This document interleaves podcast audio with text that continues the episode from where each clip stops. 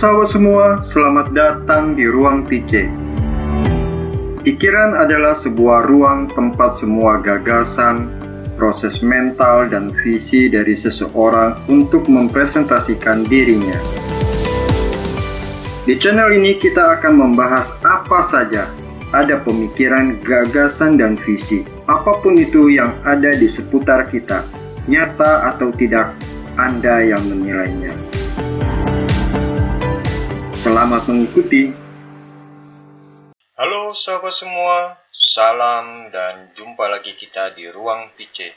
Semoga kita semua selalu dalam keadaan baik.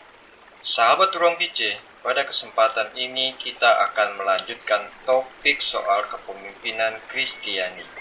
Di episode yang lalu, kita sudah membahas karakter seorang pemimpin yang tegas dan berani. Sekarang kita akan melanjutkan yang soft powernya, yaitu compassion atau berbelas kasih atau juga bermurah hati.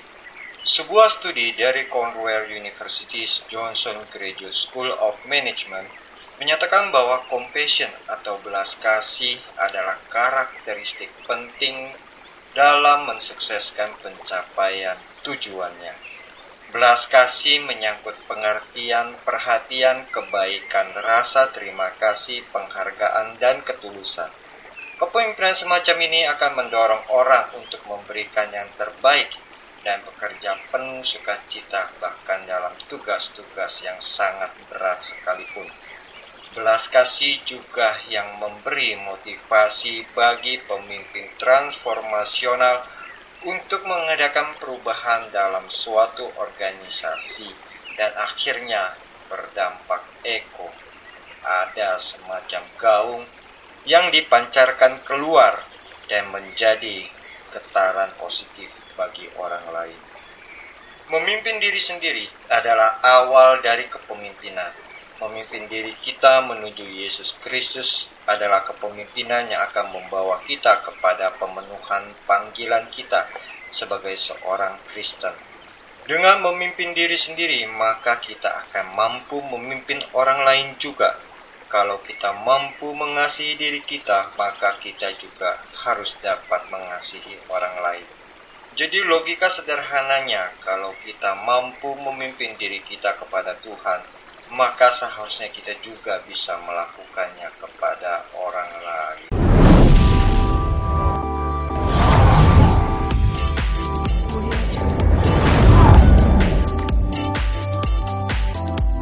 Sebelum kita lanjut, bagi teman-teman yang baru mampir di sini, jangan lupa tekan subscribe dan aktifkan lonceng notifikasinya. Oke, sekarang bagaimana dengan kepemimpinan yang compassion, yang berbelas kasih? Setiap hari kita hidup adalah karena belas kasih dari Allah. Kita mampu mencapai apa pun di dunia ini adalah karena kasih Allah. Jadi motivasinya adalah kasih Allah. Kasih yang memberi perhatian dan tidak egois bagi kebaikan orang lain dengan berfokus pada menolong orang lain. Seperti dalam kutipan Injil Matius 9 ayat 36. Melihat orang banyak itu, tergeraklah hati Yesus oleh belas kasihan kepada mereka. Karena mereka lelah dan terlantar seperti domba yang tidak bergembala. Hati Yesus tergerak oleh belas kasihan melihat orang-orang banyak itu yang mengikutinya. Melihat situasi mereka, maka Yesus merasa harus memberi perhatian dan bantuan kepada mereka itu. Lebih lanjut, dalam Injil Matius bab 14 ayat 14 dikatakan, Ketika Yesus mendarat, ia melihat orang banyak yang jumlahnya besar. Maka tergeraklah hatinya oleh belas kasihan kepada mereka, dan ia menyembuhkan mereka yang sakit. Bahkan Yesus memberi pelayanan kepada mereka walau ia dan para muridnya saat itu juga mungkin sudah lelah karena perjalanan mereka. Dalam Matius 8 ayat 1 sampai dengan 2, Yesus memberi makan 4000 orang. Pada waktu itu, ada pula orang banyak di situ yang besar jumlahnya. Dan karena mereka tidak mempunyai makanan, Yesus memanggil murid-muridnya dan berkata, Hatiku tergerak oleh belas kasihan kepada orang banyak ini.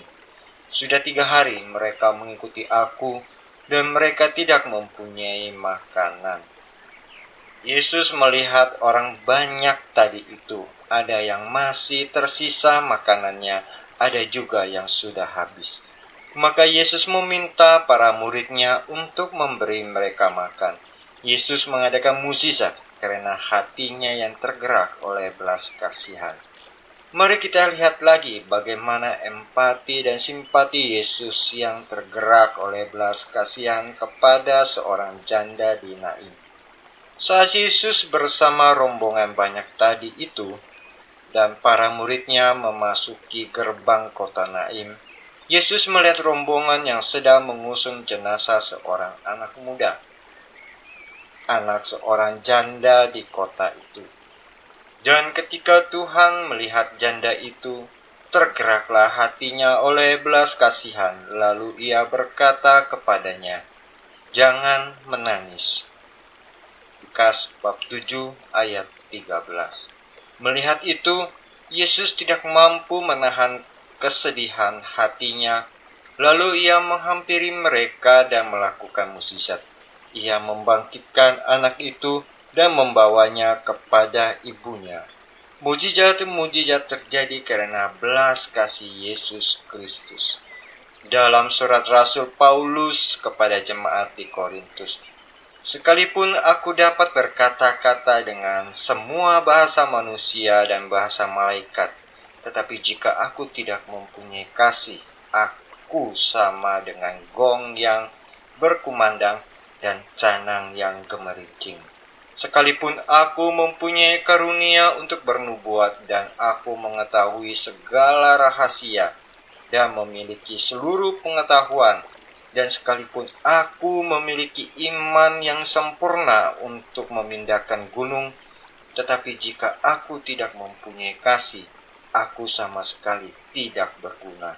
Dan sekalipun aku membagi-bagikan segala sesuatu yang ada padaku, bahkan menyerahkan tubuhku untuk dibakar, tetapi jika aku tidak mempunyai kasih, sedikit pun tidak ada faedahnya bagiku. 1 Korintus bab 13 ayat 1 sampai 3. Jemaat Korintus bukanlah gambaran yang ideal sebagai pengikut Kristus. Banyak perselisihan dan perpecahan di antara mereka. Ada sejumlah penyelewengan sampai sinkretisme. Namanya jemaat Kristen tetapi prakteknya masih jauh. Pemuka-pemukanya atau pemimpin-pemimpin jemaat mereka saling menghasut dan memenjarakan. Situasi semacam itulah yang melatar belakangi isi surat Rasul Paulus kepada jemaat Korintus. Rasul Paulus menulis kepada jemaat di Korintus, "Lakukanlah segala pekerjaanmu dalam kasih." 1 Korintus bab 16 ayat 14.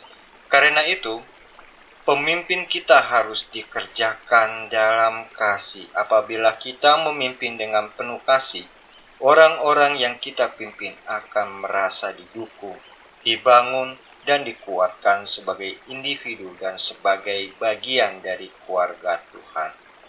Kepemimpinan yang penuh kasih akan mengaungkan eko atau cahaya atau gaun cahaya dari gereja di dunia yang gelap. Dengan melakukan apa yang Tuhan Yesus lakukan dalam praktek kasih akan membawa orang kepada Tuhan. Mari kita memotivasi diri kita sendiri untuk lebih mengasihi Allah Tritunggal, lebih memperhatikan kepentingan orang lain. Dengan rendah hati kita memberi hidup kita untuk melayani sesama, bukan dengan karunia tapi biarlah Allah yang memberikan karunia itu kepada kita sesuai kebutuhan kita untuk mampu memimpin dengan kasih. Nah, sahabat ruang PC, sampai di sini saja dulu untuk saat ini.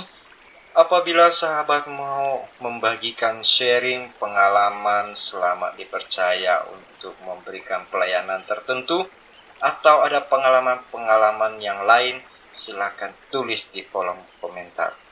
Untuk terus mendukung channel Ruang PC, jangan lupa subscribe bagi yang belum, like, dan share. Dan juga jangan lupa tekan lonceng notifikasinya selalu, supaya selalu terupdate apabila ada video baru.